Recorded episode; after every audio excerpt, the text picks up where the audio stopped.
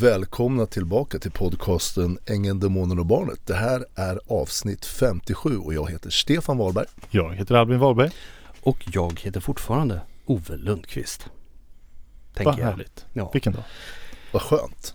Nu tänkte jag ju att vi skulle börja med att du har ju berättade lite snabbt innan här eh, och kort om att du har fått lite updates om vad som händer i världen och sfären runt Bill och Eva. Så jag tänkte jag ska lämna över ordet till dig då Stefan så får du ta och berätta för oss.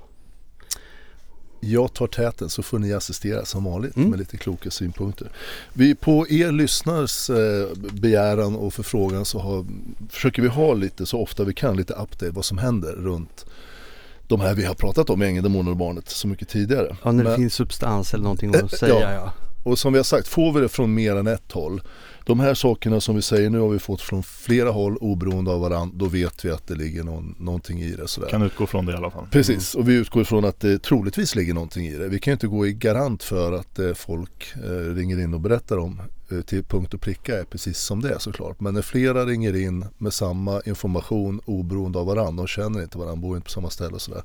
Så kan man utgå ifrån att det, det ligger någonting i det. Och vi kan väl börja med, som vi har fått från flera håll, eh, Eva, Eva Stark, som ni kanske känner till ni som har lyssnat på podden. Hon har ju då fastigheter runt om i Värmland. Vad jag vet så har hon väl, hon har ju ett företag som heter Deje Egendom där hon har fastigheter. Huruvida det går eller inte råder lite olika tankar om men man får väl eh, utgå från att det rullar på i alla fall. Men det vi har hört från flera håll, bland annat anhöriga till äldre som bor i hennes fastigheter, att det är jättestora problem med fastigheterna. Bland annat så varje vinter är det eh, problem med värmen. Eh, Det är väl tydligen pellets och olja eller vad det är. Och det fylls inte på så att rätt vad det så blir det skitkallt. Oj. Och de ringer och hon svarar inte och det dröjer och det är stora problem tydligen. Eh, Men gör de ingenting åt det där? Jo det gör de väl så småningom men det verkar inte som att det är någon som jobbar med det ajour så, eller sådär Nej. som, som är dygnet runt och är med och rycker ut när det blir några problem. Det vi har hört det är att det är stora problem och vi tänkte vi kanske kunde allmänt hjälpa med ett råd att det är så oavsett var man bor eh, så kan man, som, det fick jag faktiskt ett tips av en annan lyssnare att om man har problem med en hyresvärd en privat hyresvärd då kan man betala in sin hyra till, eh, vad heter de, Hyres, eh, Hyresgästföreningen? Hyresgästföreningen, precis. Och sen påpeka de här problemen som är. Och sen så ser Hyresgästföreningen till att hjälpa er och när problemet är åtgärdat så betalar Hyresgästföreningen ut det till hyresvärden. Kolla med, med Hyresgästföreningen. Eh, det ska gälla fortfarande idag och det är ju ett sätt att komma åt problemet och utöva en liten sund stress på oavsett om det Eva Stark eller Olle Jonsson eller Carl Vilken Karlsson. hyresvärd det är och de inte gör det de utlovar. Så kan ni ta det som ett tips bara därför Mm. att ibland så kan man ju bli tokig som hyresgäst när det inte funkar. För då gör ju du som hyresgäst din rätt, eller det du ska göra. Du betalar ju faktiskt hyran. Fast Ja. det blir ju på en deposition kan man väl Ja. säga. Det ligger hos eh, Hyresgästföreningen. Och, och, det tills- sätter inte, och det sätter inte dig som hyresgäst i något problem utan då, då liksom visar du att du betalar hyran absolut Mm. och du har pengar och du vill betala men det är så pass allvarliga problem så att eh, Mm. du vill att det åtgärdas, du vill ha hjälp med det och det är där Hyresgästföreningen kan komma in och Okej. hjälpa dig. Mm. Ett litet allmänt tips och det är som sagt flera som har ringt in och väldigt oroliga. En ringde här och var orolig för sina föräldrar som bodde i en av fastigheterna. Det Mm. bor ju mycket äldre i hennes, vad jag har förstått, Mm. vad jag har hört och jag får utgå från att det stämmer Mm. hennes fastigheter. Så det kan ni göra tycker jag och prata ihop er med några grannar i så fall. Är som, jag menar, är det inte värme i fastighet då är ju alla som bor där i fastigheten har ju samma problem. Prata Mm. ihop er och ring Hyresgästföreningen skulle jag rekommendera. Mm. Så det är det vi kan hjälpa er med. Sen har vi ju lite, har det även ringt in angående en annan kär bekant i podden, eh, Peder Dam. Eh, och då, har de sagt följande att han, eh, han, har, han har lite problem men han försöker det, det som är sagt det är att han har problem med det som har kommit fram i podden. Det är ju hans andra liv lite grann. Mm. Som han verkar som att han börjar med det när han börjar jobba med Bill. Eh, och allt, eller en del av det han har pysslat med har vi ju berättat i podden. Men han försöker ju mer eller mindre, inte desperat men väldigt snyggt och låtsas som ingenting eh, har hänt och det är ingenting. Och han försöker hålla ihop sin familj och vara den här lyckliga och lugna och, familjeform. och, och precis bara för att förtydliga. Det han gör, hans andra liv, är väl att han har lite olämpliga relationer med socialtjänstarbetare Bland annat och familjehems eh, de familj, Det var ju ett familjehem som vi tog som exempel här. Just det. En, en dam i en, ett familjehem som hade borta i Strängnästrakten som jag gav som exempel bara. Men eh, hur som helst så han försöker och det verkar inte som hans eh, fru där, Jenny heter hon tror jag, har en aning överhuvudtaget. Eller så har hon det men inte jag, jag vet inte. Men Eh, vi får se hur det där slutar. Det är en spännande sits och sen lägger man till den här sitsen som Peder Dam är i. Där han är faktiskt med i styrelsen och vad jag förstått en mindre delägare i växenheten. Där nu Bill lite klurigt smart har hoppat av. Och med tanke på vad som kan hända eh, eftersom växenheten är misstänkt i alla fall som vi ser det för oegentligheter. Så det är klart att eh, och informationen ligger ute eh, och jag vet att det är myndigheter inkopplat så den dagen de kommer att knacka på dörren så är det kanske inte i första hand Bill eftersom han är inte med i styrelsen längre även fast han är, äger verksamhet utan det är ju de som är i styrelsen som är ansvariga för verksamheten. Bland annat Peder Dam. Och de brukar väl komma sådär, har jag hört talas om, sex på morgonen och, och knacka på. Så vi får väl se vad som händer där. Men eh, det verkar som att han eh, inte bryr sig om det här. Skulle jag vara Peder så skulle jag vara nervös. Jag skulle knappt kunna sova, helt ärligt. Mm. Men men, det om det. Eh, det vi också har fått från er lyssnare det är ju om eh, Hallsbergspolisen, eh, en av de poliser som jobbar där, Daniel Elfqvist som har figurerat i podden. Eh, där har vi fått bara förtydligat egentligen att det är två väldigt tydliga läger på arbetsplatsen i Hallsberg. Och eftersom vi vet att några av er poliser lyssnar på den här podden så vet ni säkert eh, vad det här handlar om. Eh, och av en av er så har vi fått, har jag fått information att det här, så är läget. Och tydligen så ska det vara enligt vad det har antytts, jag säger bara det, så får, så får mm. vi se. Ja, självklart vet vi inte alla fakta, det kommer väl ingen någonsin att få reda på vad som pågick mellan Daniel och Eva i uppgörelsen. Men det ska ha, det ska ha förekommits av en, det som är nu, av en ekonomisk uppgörelse på något sätt mellan dem. Okay. Och Daniel ska ha sagt någonting om att även fast han ville så kan han inte göra, göra någonting åt det som är nu. Vad det innebär det får väl, får väl stå för honom på något mm.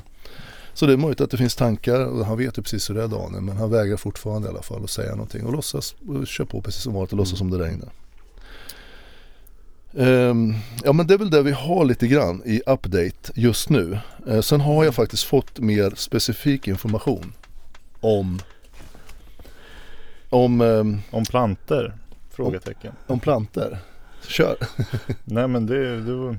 Eller vad tänkte du? Det var inte med. Nej, vi, vi var väl införstådda här allihopa i, i planeringen av avsnittet här. Att vi skulle ta upp ett visst debacle angående en eh, växthandlare. Just det, helt rätt. Ni sitter och viftar Denna, här jag fattar ja. ingenting. Rätt för fan. Det har ju varit en, det, det är för faktiskt, det är nästan flest vi, som hört av sig angående det här. Ja. Det är tydligen en öppen konflikt nu uppe i Värmlandsskogarna och det har vi hört från flera håll nu så det kan vi verkligen gå ut med. Och då utgår jag från att det är rätt många som vet om det här. Eva har då beställt av någon trädgårdshandel x antal tujor på sin trädgård. Som den här trädgårdshandlaren uppenbarligen på något sätt känner honom inte, vet inte vem han är sådär. Men enligt det flera har sagt så har han varit där själv och ombesörjt det här, planterat de här. Och det är jättesnyggt och bra. Men sen när det är dags att betala, då har Eva sagt att det tänker hon inte alls göra.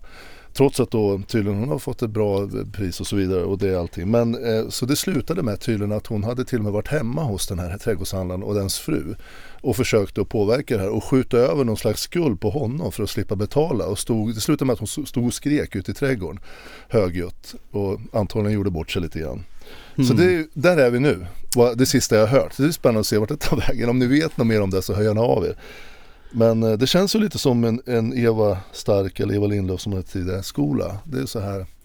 Vi hade ju ett antal sådana här på Guldkornet där Eva tyckte att nej här ska vi inte betala någonting. Och han ja just det, för det där har vi pratat om förut. Ja, ja och när, mm. om man ska uttrycka sig snällt så kan man säga att Eva är väldigt, väldigt, väldigt ekonomisk. Mm. Ja. Eh, så får någon annan tänka vad som, vad som menas med det. Men hon, är, hon, hon har lite svårt sådär. Och jag kan tänka mig att det här är samma problem som rör även fastigheterna. För det är mm. klart att det kostar ju nu som fan att värma upp fastigheter. Både el och uppvärmning mm. kostar ju. Ska inte bli för raljerande här men jag, jag minns när jag var mindre, eh, yngre tonåring. Och vi hade, ja men jag umgicks ju mer emellanåt. Vi var ute och lunchade och allt vad det var. Så pratade hon ofta om att nyckeln till att tjäna pengar det är cashflow. Och det känns som att hon skapar sitt cashflow genom att köpa saker utan att betala och sälja saker utan att leverera. och där har man bra business. Tycker det var en lite Det var en affärsmodell. rolig bild. Om, om vi bara summerar Ja. de här två här. Ja, jag kan, jag kan fylla på den lite grann. Jag tycker vi har, jag försökt, vi har inte pratat så mycket om er på sistone här. Men Nej alltså det är ju så här, jag har ju levt med henne då i ett x, x antal år, rätt många år. Så jag vet ju lite hur hon funkar och det är, hon är väldigt, väldigt, väldigt ekonomiskt intresserad. Och det som är intressant är när pengarna kommer in och sen när det ska betalas så hon kan alltså bråka, hon berättade om hon hade bråkat med en granne här om 1500 spänn för ett halvårs häst liksom, och så vidare. Mm. Och det blir fullständigt orealistiska grejer. Hon har massor med idéer, det har hon Eva. Men alltså väldigt mycket av det är fullständigt orealistiskt. Mm. Så vi var ju tvungna att stämma av allting innan hon gjorde någonting. Och jag kan tänka mig att det som har hänt nu, om hon har skilt sig från Josef möjligtvis, om det är det som gör skillnad eller vad det nu är, om hon inte har någon kanske sund mentor, så blir det sådana här konstiga saker. Mm. Eva är ingen bra affärsman. Hon har tagit över en extremt lönsam eh, rörelse som vi hade byggt upp tillsammans. Hon och jag och sen Bill på slutet.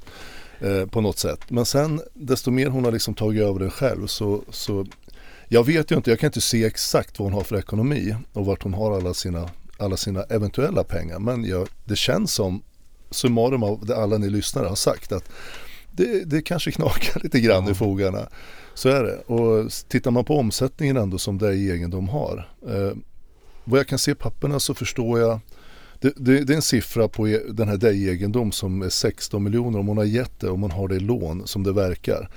Räkna vad det kostar i lån får ni se, 3% ränta eller vad man nu kan få. Jag vet inte riktigt hur vad hon har förhandlat sig till. Nej. Men det är ju lite pengar alltså. Mm. Eh, det blir ju, jag säger, grovt sett blir det en halv miljon per år. I, i, och omsättningen var, eller vad var, vad var, vad var eh, omsättningen? 800 000 någonting tror jag. Mhm. Eh, och det är klart att det är ju andra kostnader än att bara betala lånen. Ja, ja, ja. Och sen ska det på lite amortering på de där lånen och sådär. Så det är möjligt att det är lite tufft för henne att få ihop det. Who Mm. knows? Så kan det vara. Och det skulle mycket väl kunna vara att eh, förklaring till det här som händer lite grann. Men eh, till er hyresgäster, stå på er, snacka ihop er, ring Hyresgästföreningen. Yes box. Yes. Nu, raskt över till något helt annat. Jag tänkte att idag så ska vi ta och prata om eh, läkemedelsindustrin och vaccinationer och ja, folkhälsa och hur Precis. läkemedelsindustrin faktiskt skor sig på mer eller mindre sjuka människor. Och varför blir folk sjuka kan man ju också ställa sig en fråga. Så det blir några sådana här grejer för jag tror nog att folkhälsan har blivit sämre i modern tid än vad den var tidigare. Och jag har några teorier kring det som jag, ja, det, jag vet att det är fler som har det. Men jag tänker vi ska ta och kolla igenom det här lite grann. Eh, vi, vi började ju prata lite lätt om det här innan. Om det här med vaccin och är det verkligen så bra? Vad tror du? Eller vad Ja, vad, vad tror vi? Ja, vad Det är bra vi? för en del Ja, kan man summera det. ja. Jag har, eh, ja vi har alla läst en hel del om det och det, det Vem har inte gjort det de senaste åren? Här? Och eh, Jag eh, har pratat runt en del med Kunnigt folk. Ja nej men det får man ändå lov att, Ja, påstå. Och eh, Man kan eh, spekulera mycket och göra Ett par timmar Åtminstone utan bekymmer Poddmaterial av bara temat vaccin och virologi. Men eh, Att eh, Man kan summera det som att massvaccinationer på det sättet som Covid hanterades Tvivelaktig approach Ja. till problemet I och med att eh, vi har ett immunförsvar Mm. och många för många duger det alldeles utmärkt och att få lite förkylningssymptom och dylikt emellanåt eh, kan ju vara priset man får betala för att skapa ett naturligt skydd mot omvärlden. För det som eh, liksom det spekuleras kring det är ju det här med den här lobbyverksamheten som finns kring Mm. olika mediciner och vacciner och alltihopa. Det är folk som faktiskt får betalt för, Ordentligt. för att promota olika vaccin. Vi hade en liten sån här tanke så här, om just den här covid eh, olika vaccineringar. Det var väl uppe i fem doser tror jag. Eller vad var det? Fyra, fem doser? Fyra åtminstone ja, vet jag. som jag vet. Jag Mm. Och det innebär ju då varför var man tvungen att göra det? Hade det någon eh, anledning att vara eh, för att liksom inte få symptom eller bli sjuk eller någonting? Eller var det för att det fanns vaccin kvar och man ville göra slut på det? Alltså för läkemedelsindustrin. För det, någon har ju sagt att vi måste ta en dos till och någon säger att vi måste ta ytterligare en dos till. Vi, vi kollade upp lite bara som research inför avsnittet här. År 2021 så la Sverige, tre, Endast Sverige själv. enbart Sverige, 3 miljarder på covidvaccin. Ja, Bara Sverige, Och då 3 är det bara miljarder svenska vaccin. kronor. Ett vaccin Ja. mot en sjukdom. ja. Och eh, att tänka sig då, vi är 10 miljoner människor, vi är 7-8 miljarder människor i världen. Eh, det är mycket pengar det handlar om. ja, Ja, men regeringar runt om i världen tillsatte ju massa pengar för att det skulle forskas fram fort som tusan här. Ja. USA Mm. var ju spetsen här. Och, men då finns en annan sida. Då tänker man okej regeringen och staten hjälper till för att Mm. få fram det för att rädda människor. Okej, det är ju ett, Man kan ett- tycka att det är bra. Så långt är det Mm, bra. Men kontentan av det här, hela den här snurren runt coviden, det var att det vart bara i USA mer än 100 nya miljardärer Ja. Mm. På grund av bara covidvaccinet. Mm. Därför att de hade så stora delar i läkemedelsföretagen. Pratar vi hela vägen från 2020 när de började forska till jag och tror, med jag tror att det är hela, hela Ja. från det covid bröt ut. Mm. Och det är och det här som är- försäljningen av, av vaccinet. Ja, och det är det här som är intressant att det, det liksom gynnar ett antal och tjänar massor med pengar. Och det är det som jag tycker är lite skumt det här med läkemedelsindustrin. Att det finns den här, det är ju lobbyverksamhet, även de som, eh, alltså, finns folk som tjänar stora pengar Mm. på att få, vad ska jag säga, eh, regeringar och annat att ta det här och distribuera ut det. Liksom det är lite så, det här är Mm. bra för det här. Eh, och bara en sån här sak att eh, det här med högt kolesterol Mm.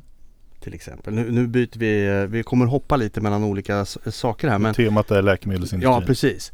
Kolesterol. Så går du och så tar du ett kolesterolprov och så säger ja det är lite högt det här. Och så skriver de ut kolesterolmedicin. Saken med det här med högt kolesterol. Det är någonting, upptäcker du det en gång då ska du göra det flera gånger. Det måste bli uppföljning på det så att man gör det flera gånger så att man ser att vänta, du har verkligen problem med det här Över tid. över tid.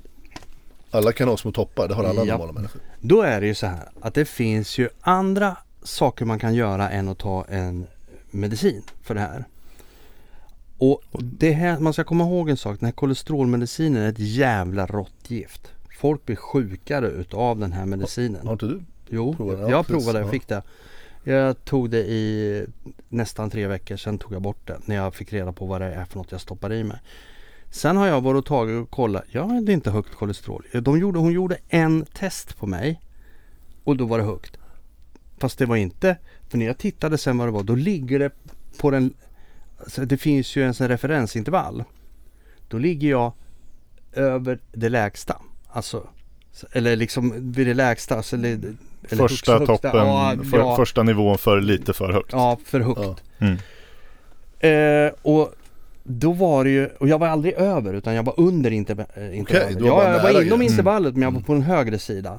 Men det kan man vara om man har ätit någonting speciellt och alltihopa om man Ja, har det, gjort det går ju att kortsiktigt justera det hur mycket som helst. Ja. Trycker man i sig 5-6 ägg till frukost så kan man ju mäta skyhöga kolesterolnivåer på Om kvällen. jag säger att jag käkar liksom då eh, en omel- omelett varje, alltså till frukost på Mm. två ägg och hade gjort det under en längre period. Kan ju vara det som påverkar och lägger så att det är lite högt. Men bara på ett prov skriver ut kolesterolmedicin på en gång. Och då tycker jag nog att det är lite liksom för hastigt att göra det. Och nu har jag fått höra i efterhand att det finns eh, läkare som får provision för att skriva ut det. Och det är ju fan med skrämmande om det är så. Mm. Om det är någon som vet att det här är sant som kan verifiera det. Mm. Hör gärna av er. Har du hört något specifikt? Ja. Jag, jag vill bara passa på att nämna också här att eh, vi, ingen av oss här inne är några hälsoexperter eller Absolut rådgivare. Så ta inte det vi säger med som, som eh, amen i kyrkan. Utan gör eran egen research om ni tycker det låter intressant och ta egna beslut om ni vill ändra någonting eller har någon av bekymren vi pratar om. Eh, någon form av disclaimer här. Vi, vi tar inget ansvar. Nej. Det vi säger tror vi själva på. Och eh, ta, gör er egen research helt Mm. enkelt. Gör er kloka själva.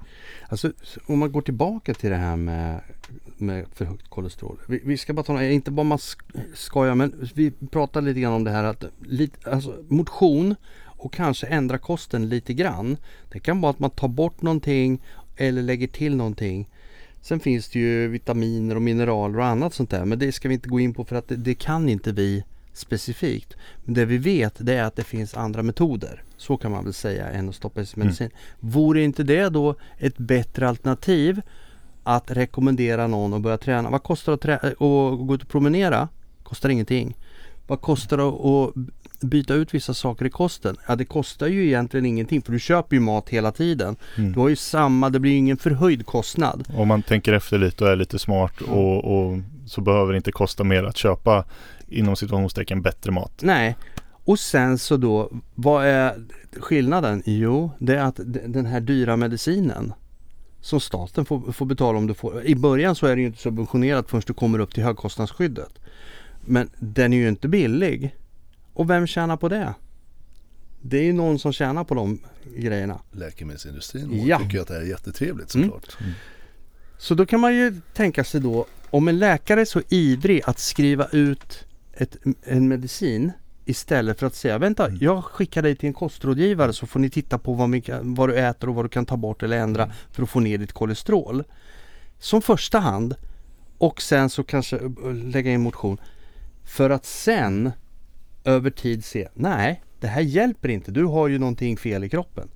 Då kanske det här med sån medicin kan vara ett alternativ. Men inte som ett första alternativ. För det är ju inte akut. Nej, jag, som, som jag ser det personligen så bör mediciner sällan vara ett första alternativ. Eh, ofta, många sjukdomssymptom som vi har idag kan ofta härledas till någonting i våran livsstil som Mm. skapar problemet och ändrar vi den aspekten av vårat liv så kommer också symptomen på sjukdom att lätta. Eh, som bara enkla statistiska exempel är ju mängden cancer vi får idag. Hur kommer det sig? Vad, vad kommer det av? Eh, men eh, allt vi vet är att sista 70 åren ungefär så har cancernivåerna bara ökat och Mm. ökat och ökat och ökat. Eh, och det finns den ena förklaringen efter den andra. Mm. Men att det skulle vara en livsstilsfråga ser jag som den enda rimliga förklaringen. Mycket mer stillasittande, mycket lägre kvalitet på maten. Eh, ofta Mer stress. mer stress. Ja. Det, det är många faktorer som spelar in som alla gemensamt jobbar för att sänka immunförsvaret. Mm. Ett system som egentligen är designat för att bota cancer i ett tidigt stadie innan det blir ett problem och innan det blir cancer. När en cell muterar på ett sätt som gör att den skulle kunna bli en cancercell så tar kroppen hand om den och så nu är den inte en cell längre och sen så gör man lämnar den kroppen Mm. den naturliga vägen. Det är ett intressant fakta där med Ja. cancer. Om du, vi har ju egna ämnen i kroppen och så här som ger sig på cancer, som bekämpar Mm. cancer hela tiden. Om du, jag såg ett exempel gjord och- som, som en av de vi tittar på, Huberman tror jag som sa det, ehm, på nätet, gå in och titta på. Men om man sover en enda natt, om man sover normalt 7-8 timmar, Mm. vilket man bör göra för att kroppen ska få sin vila. Japp. Man klarar lite mindre ibland vissa nätter och så här, men 7-8 timmar det är det optimala. Om du istället sover 4 timmar en natt, dagen efter kan du mäta de här ämnena. Då har 70% av dem eh, försvunnit, alltså de, de är borta lägre. Alltså det, det är mer än hälften av alla de här som bekämpar cancer dagen efter är borta. Alltså det, det, så Det- det, här är med sömnen intressant. pratar vi om. Tro Ja. inte att du kan sova några timmar och slarva och stressa Kan det vara så att folk har mer sömnrubbningar? Alltså man, man tror att man sover man, men man sover väldigt ytligt och vaknar och Alltså man vaknar fler gånger än man bör göra.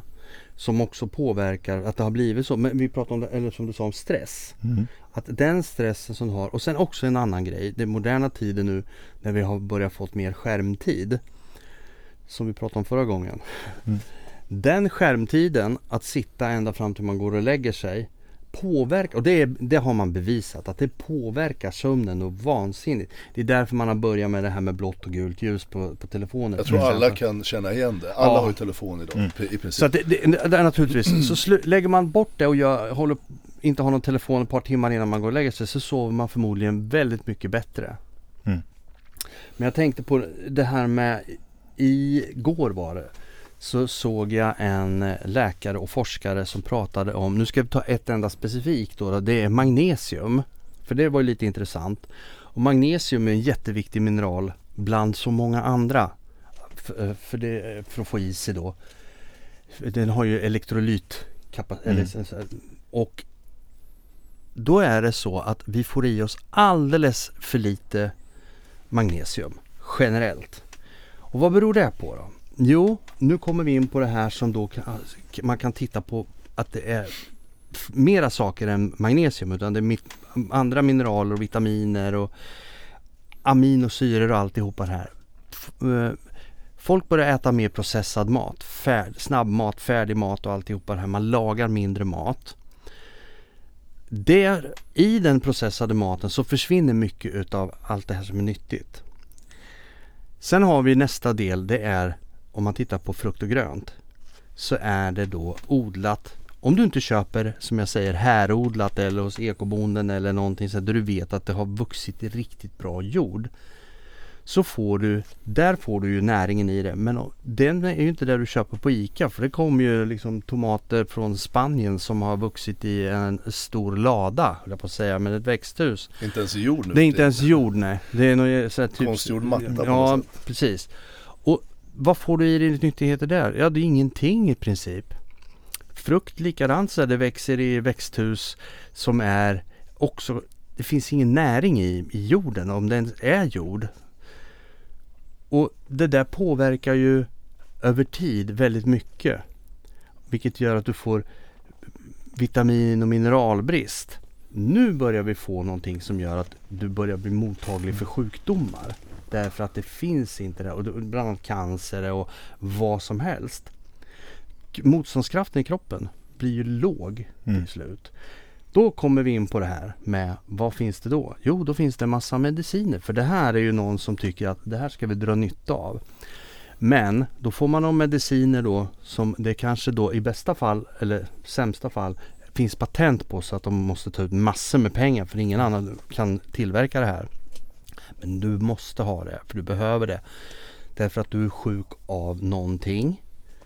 Men i grunden så beror det kanske på någon form av näringsbrist som har gjort att kroppen har blivit försvagad. Mm. Det är inte det första man går in och tittar på utan då ska man pumpa på massa medicin och då är det någon som blir rik utav det där.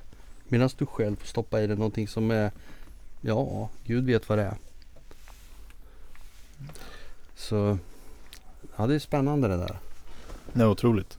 Och eh, om man ska bli ett eh, lager djupare i konspirationer. Det är klart vi ska. Om vi ja. tycker om sånt. Det hoppas jag att några av er i alla fall tycker är roligt ute för jag tycker det är jätteintressant.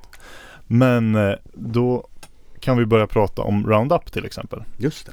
Eh, ett ogräsmedel som eh, används vitt och brett, säljs överallt. Fruktansvärt eh, effektivt. Exakt. Ja det är det. Tar död på det mesta. Glykosiner eller vad heter det tror jag ämnet är som används. Glykosider. Och eh, säljs som sagt vitt och brett. Det här ämnet som används eh, har börjat komma upp uppgifter om att det är väldigt skadligt och pratas mer och mer om. Men eh, det intressanta här också är ju vilka som äger det. Det är, kanske ni känner till, ett läkemedelsbolag vid namn Bayer. Eh, köpte det här bolaget av Monsanto för nätta summan av 63 miljarder dollar. Och eh, Bayer tillverkar ju diverse mediciner. Mm. Bland annat eh, mediciner för blodtryck. Just det. För att sänka blodtryck. Jag har läst, jag har inte testat det själv, jag har inte haft de problemen så jag inte har bara inte blivit att jag har grottat ner mig så djupt i det. Men jag har hört lite, gru, vad kallar vi det, ytligt om hur eh, till exempel en ganska vanlig ogräsväxt här i Sverige, maskrosor, kan användas jätteeffektivt för att sänka blodtryck. Man kan äta rötterna, man kan äta bladen, skälkarna, blommorna, hela växten i princip. Mm. Och tillreda på olika sätt. Eh, man kan torka och göra teer av och diverse. Och det är blodtryckssänkande. Det sänker blodtrycket. Ja, ja. alltså, så här, jag brukar säga det. Då tar vi bort med Roundup och så kan jag köpa lite medicin av Bauer ja, istället. Precis. precis. Så. så det är ju, jag brukar säga det att eh, all medicin, eller inte all, men det mesta som behövs för att man ska behöva bli något bättre finns ute i naturen. Och nu börjar vi prata om det här häxor från förr. Som är, där de gör sitt kok, kok ihop där. Men det, det, finns ju sanningar i det här. För det alla de här naturliga ämnena som blommor eller växter och även bark. Allting har ju någon form av effekt på kroppen. Mm. Sen finns det ju giftiga växter naturligtvis som man inte ska använda sig av. Men då kommer ju frågan, det kan man inte tjäna pengar på. Men, och men, det här, det här, det här, det här. själva liksom ja. twisten kommer in i alltihopa. Ingen kan ta patent på naturliga grejer och på Nej. växter, naturen. Och därför är det inte intressant för företag att sälja det, för de kan inte ta patent och sälja det och tjäna massa pengar. Jag tror vi berättade tidigare i podden om det här med broccoli va? Gjorde vi inte det? Det var ett företag i USA, det finns att läsa lite grann men det finns inte så mycket om det. Men söker man på det så hittar man det efter en stund. Det var ett företag i USA som la ner miljontals kronor på att, för de upptäckte nämligen att broccoli har ett specifikt ämne som ger sig på cancer. Mm. Och i broccoliskott så har du det ämnet mellan 50 och 100 gånger starkare i, i skotten. Ja. Mm. Och det här gjorde de forskning på och tog fram alltså riktiga tester och såg det här funkar ju. Mm. Det sista de skulle göra innan de gick ut och marknadsförde det, det var att ta patent på en produkt. Men svaret var typ precis som det blir med allt annat ifrån växtriket. Ingen kan ta patent på en växt. Så mm. de la locket på alltihopa, la ner alltihopa mm. fast eh, testerna var färdiga, visade glasklart att det här är kanonbra. Så eh, det, det, är bara ett exempel på mm. att det funkar inte. Det är ingen som vill lägga pengar. Det är massa mm. sådana investeringsbolag som ligger bakom mycket av de här satsningarna. Som, och, som görs då. För de ska tjäna pengar på det på sikt. Men det precis. kan man inte göra på. För kommer du ut med en bra produkt, produkt som du kan då visa att du har gjort forskning på. Ja. Och det börjar sälja. Ja vad fan då hockar ju 10, 20, 30, 100 på direkt andra och gör liknande produkter. Om, om man tycker att det här låter helt uppåt väggarna orimligt. Att det skulle kunna funka så här i läkemedelsindustrin. Så känner jag att man skulle kunna dra en parallell till ett ganska på ett sätt jämförbart exempel. Och det handlar om Systembolaget. Mm. För några år sedan så släpptes det en P3 Dokumentär. 99% säker på att det är P3 Dokumentär.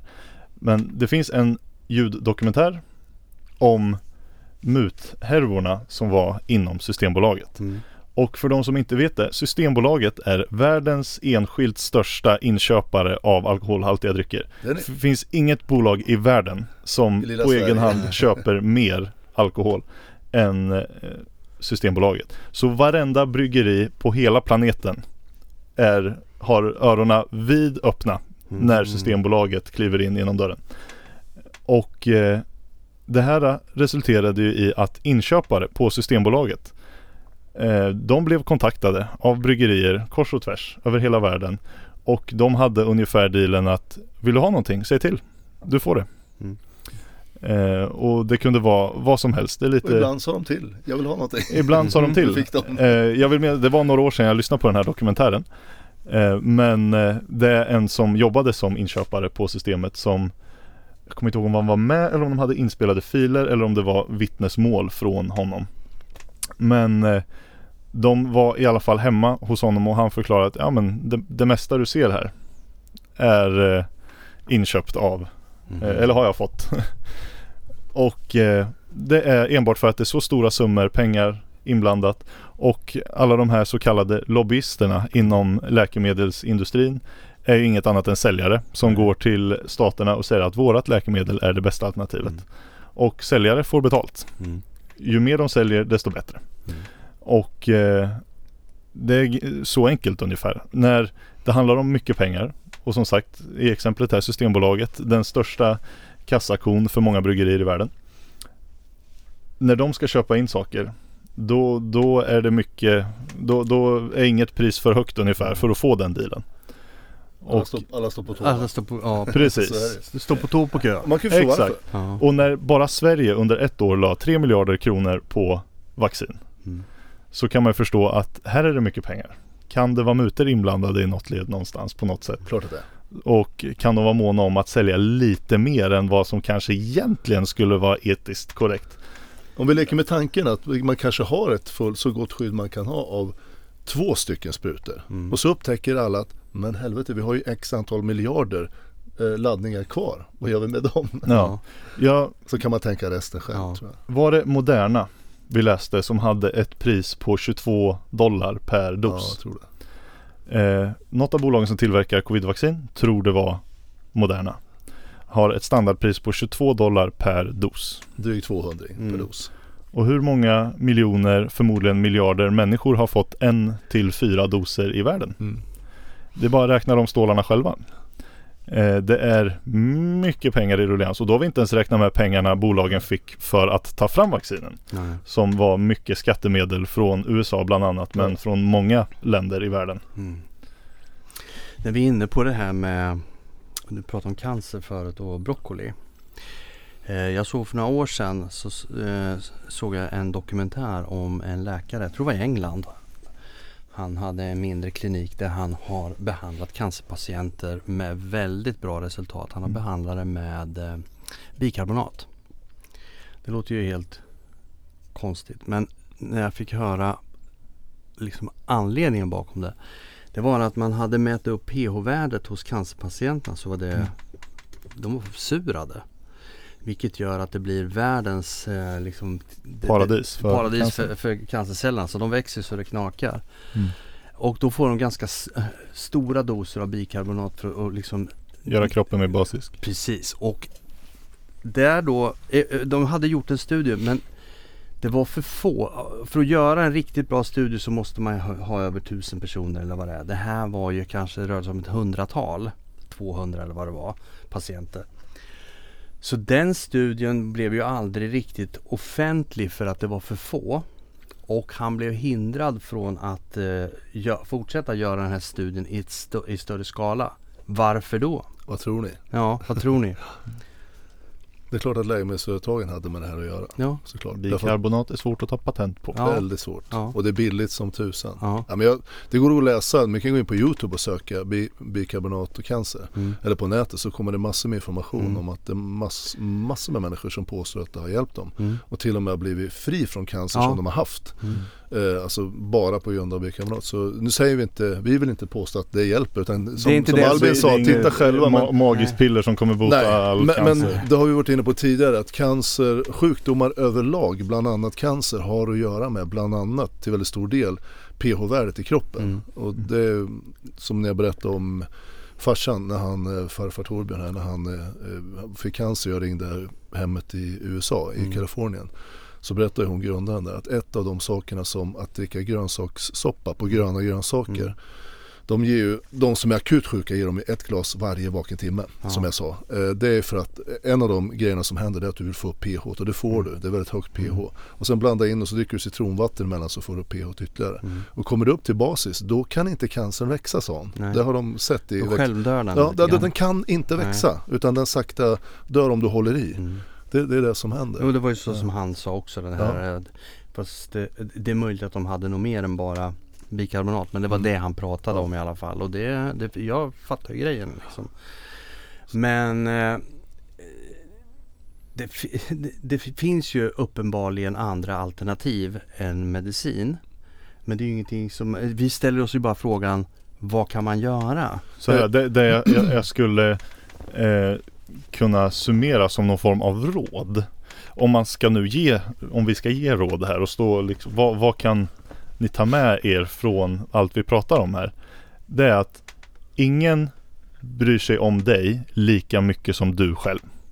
Nej. Skapa en egen uppfattning. Läs på, gör dig själv klok om vad som skulle göra dig friskare och hålla din kropp i, i det bästa möjliga skicket.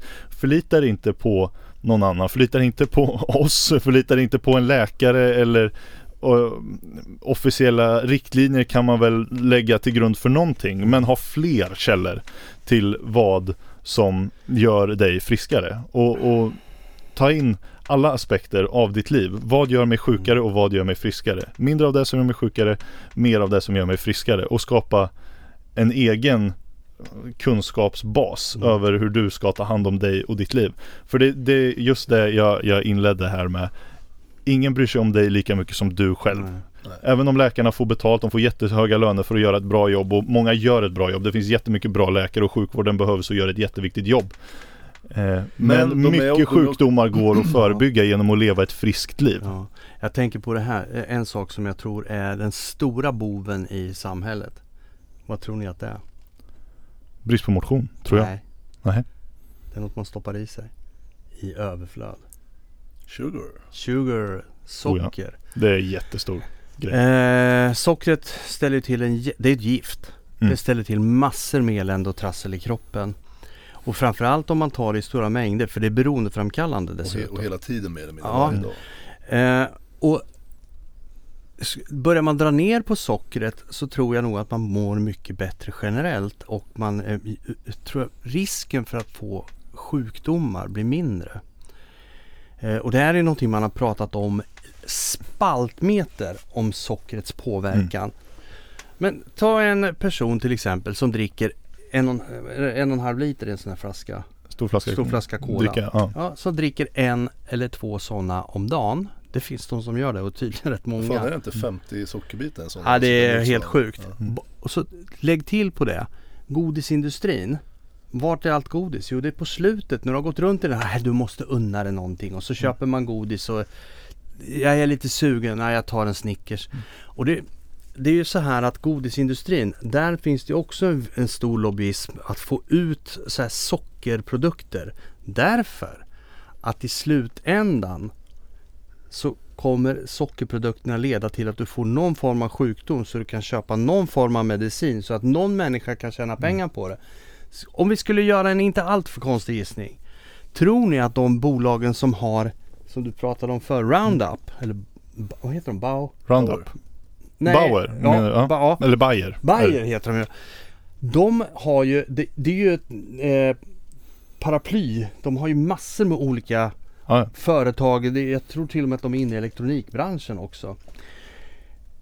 Tror ni inte att de någonstans äger någon form av godistillverkning?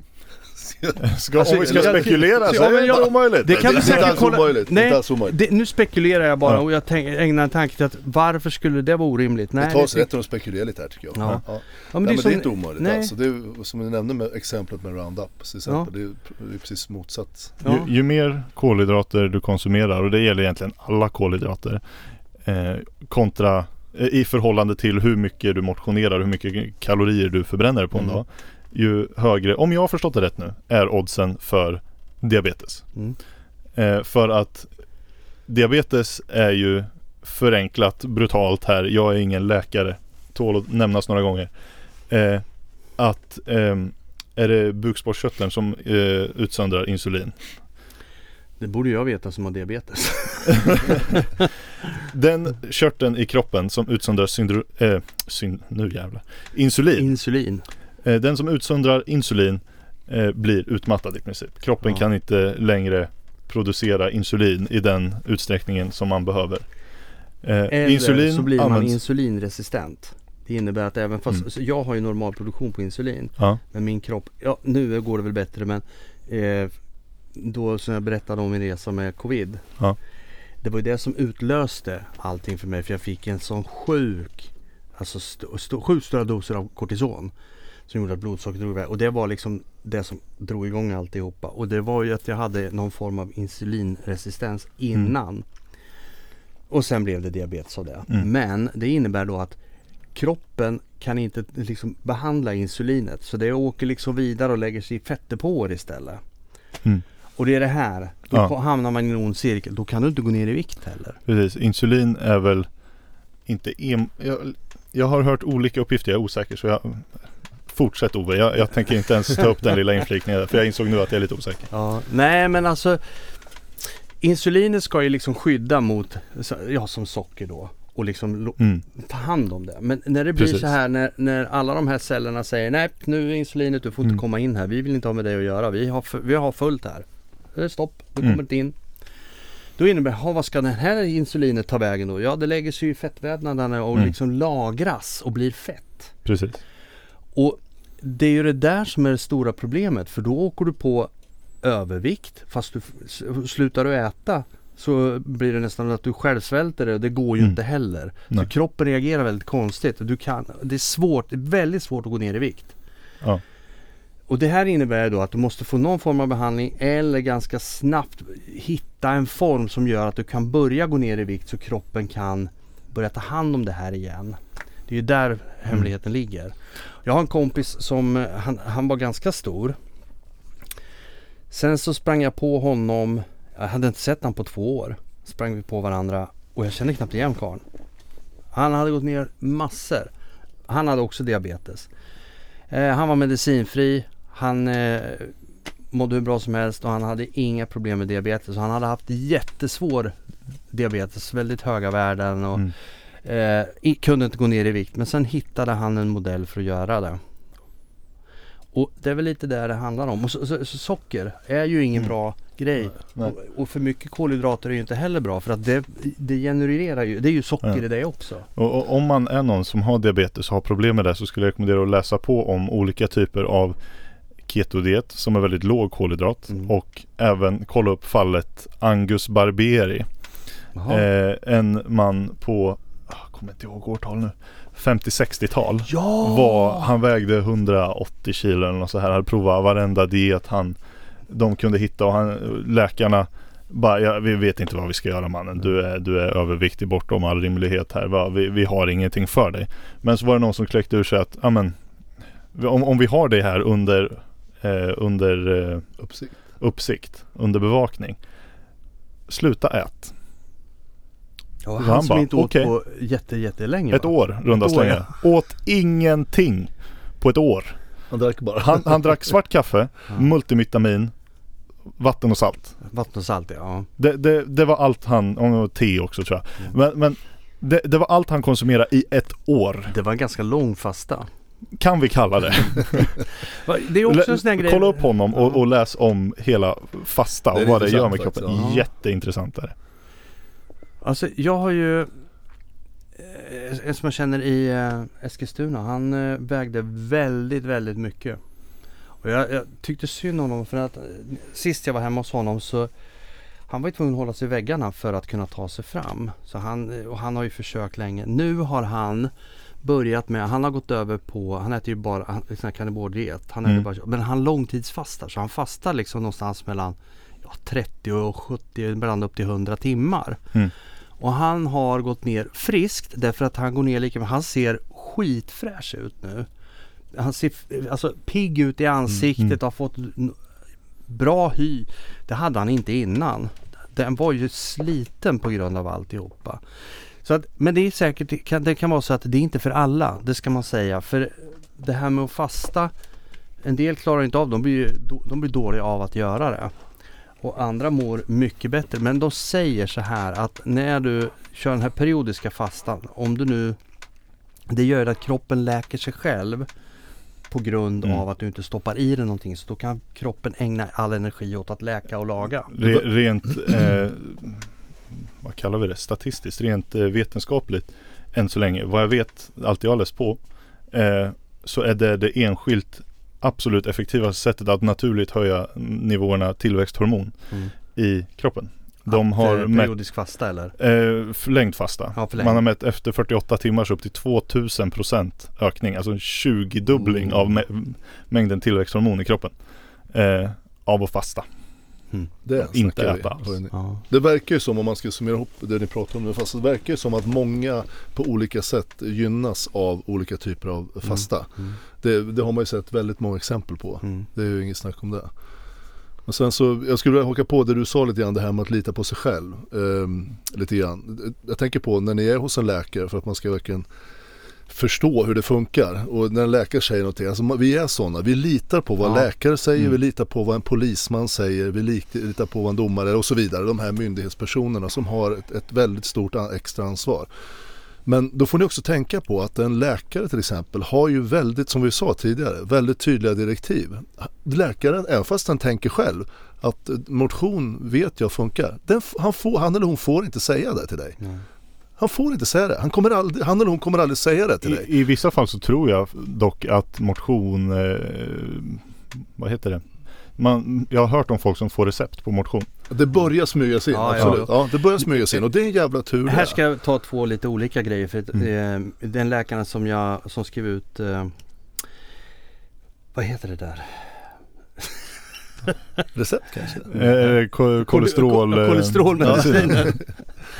eh, henne hade jag bara en gång så jag har bara haft ett enda besök hos henne. Hon hade inte träffat mig före eller efter. Hon gick på ett blodprov som jag eh, gjorde Mm. där, den dagen. Därför att hon hoppade in istället för min ordinarie läkare. Vad lämnade hon mig med första besöket? Jo, Mm. massa konstig medicin, råttgift. Sen kom jag tillbaka, när jag hade slutat med det här eh, medicinen. Bara, eh, var utan det i flera veckor. Så ska, kommer jag tillbaka till min ordinarie läkare. Tar nytt blodprov och kollar. Äh, dina kolesterolvärden ser skitbra ut. Ja. Utan medicin. Mm. Och han eh, vi håller på att di- dividera kring min eh, övervikt och min eh, diabetes. Va, hur löser vi det här? Och då fick jag ju ett, ett medicinbyte. Men det var också där, han, nu kommer vi in till vad han rekommenderar. Motion och sen tittar vi över kosten, vad jag, vad jag kunde liksom förändra. Nu hade jag ju ändrat min kost så pass mycket ändå. Men kroppen svarar inte på det. Men nu så har den börjat svara ganska rejält. Ja det vet ju ni som sitter här. Mm. Du har gått igenom tämligen en dramatisk, väldigt positiv förändring. Ja. Och Där du har gått ner en massa vikt. Ja, och det där påverkar mitt blodsocker socker naturligtvis. Så mitt blodsocker är ju, har ju gått ner och ligger på normala värden nu. Mm. Men jag tar ju fortfarande medicin. Men det är ju en tidsfråga innan jag får fasa ut det. Vilket jag hoppas för att allting man stoppar i sig som är kemikalier är ju, sätter ju spår i kroppen och magen på andra sätt. Så man vill ju bli av med det ganska snart. Så det är ju mitt mål egentligen att bli av med den medicinen. Det är ju inget konstigt att vi får biverkningar av kemikalier som vi stoppar i oss. Så länge har vi gjort det? det är, vi pratar rätt så begränsad tid av mänsklighetens Ja. historia. Om vi Hur ska har ta vi gjort? Ja, 100-150 Typ, år i, i modern form när det Ja. började, modern medicin Mm. kanske började. Och alla tusen, tusentals år har människor på olika håll i världen hittat eh, saker i naturen som faktiskt funkar väldigt bra. Mm. Eh, men som sagt, återigen i den här marknadsstyrda samhället som vi är nu så, så ingen som tjänar pengar så mycket på det i alla fall. Nej. Därför att det gör man på patent och det får man på nya mediciner. Ja det är ju det som är det Ja. viktiga för dem. Att Ja. ta fram nya mediciner mot nya sjukdomar. Och kan man då, nu vet vi inte hur det fungerar i liksom det här. Det finns ju mycket så här spekulationer kring hur covid kom till. Att man släppte ut det för att man ska kunna tjäna pengar på något, något vaccin. Det är ju bara en foliehattshistoria kanske, jag vet Mm. inte men eh, ju, om man ska bli lite konspiratorisk kan man ju gå långt in i det där. Det finns ju vissa saker som skulle tyda på att det, folk kände till eller mm, kanske till och med ville att det skulle komma eller visste att det skulle komma Mm. av någon anledning hur man nu kan veta det att covid skulle spridas och sådär. Var det inte Albin, du som är bra faktamässigt här, var det inte Bill Gates som väldigt tidigt, flera år innan covid kom, flaggade för att och började tillverka, forska Ja, om Jag, jag kan inte Vaccin. uttala mig på rak arm men det känns bekant att jag skulle ha hört något sånt. Jag om det. inte Men på som det. sagt, det får väl läggas in Ja. den, möjligtvis spekulationer såklart att det är. Men det finns krafter bakom alla de här, just det här problemet att man litar på läkare, polis och allt vad det är för Mm. någonting blint. Gör inte det. Det är ju vår gemensamma uppmaning. Mm. Lita på ditt sunda förnuft. Du har det för en anledning. Mm. Och tänk på vad som är bäst för dig. För, för den viktigaste personen för dig är ju dig och ditt omdöme måste vara i första hand. Ta vad alla de här säger och förstå deras roller. En läkares ord är inte en universell lag som Nej. är för ditt absoluta bästa. Man, man kan väl summera lite så här. I, hur länge har moderna människan funnits? 100 000 år eller något sånt? Eh, så har vårat sunda förnuft hållit oss vid liv. Generation efter generation efter generation. Samhället idag må vara lite mer komplext än vad det var för 2000 år sedan. 10 000 år sedan. Men eh, som jag ser det personligen så kan det sunda förnuftet ta en väldigt, väldigt långt även idag. Mm, faktiskt. Jag ska avsluta med att säga så här också. Vi har ju pratat om det här med att sjukvården då skriver ut kanske lite för lättvindigt. Men man ska komma ihåg en sak också. att Man ska inte dra sig för att söka till sjukvården om man känner Nej. att man har något problem med kroppen eller om man mår dåligt på något sätt. Det finns mediciner som är bra och som hjälper och gör det de ska. Det ska man komma ihåg också. Mm. För nu pratar vi generellt om läkemedelsindustrin Exakt. och att, hur man pushar ut. Och så ska jag också säga att vi har förmodligen världens bästa sjukvård i Sverige.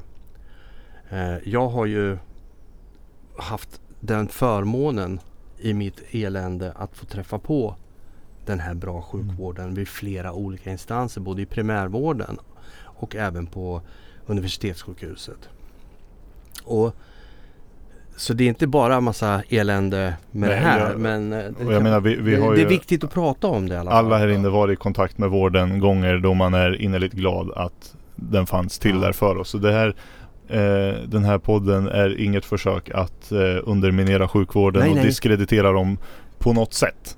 Det är bara frågan är ju då läkemedelsindustrins kanske mera icke-moraliska tänkande kan man väl säga. Att det kan, det kan finnas mer än, än de skyltar med bakom kulisserna. Jips. Tack vare bra sjukvård och en väldigt engagerad eh, läkare så Ja. lever ju du kan man säga. Ja, ja, du, ja. var, du var ju på vippen att stryka Ja. med i Mm. covid Och hade faktiskt. inte den här medicinen funnits eller som de stoppade i mig då. Ja.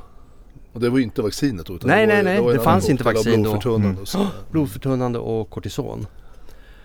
Och ehm, hade inte det funnits då hade det inte varit så mycket med mig då.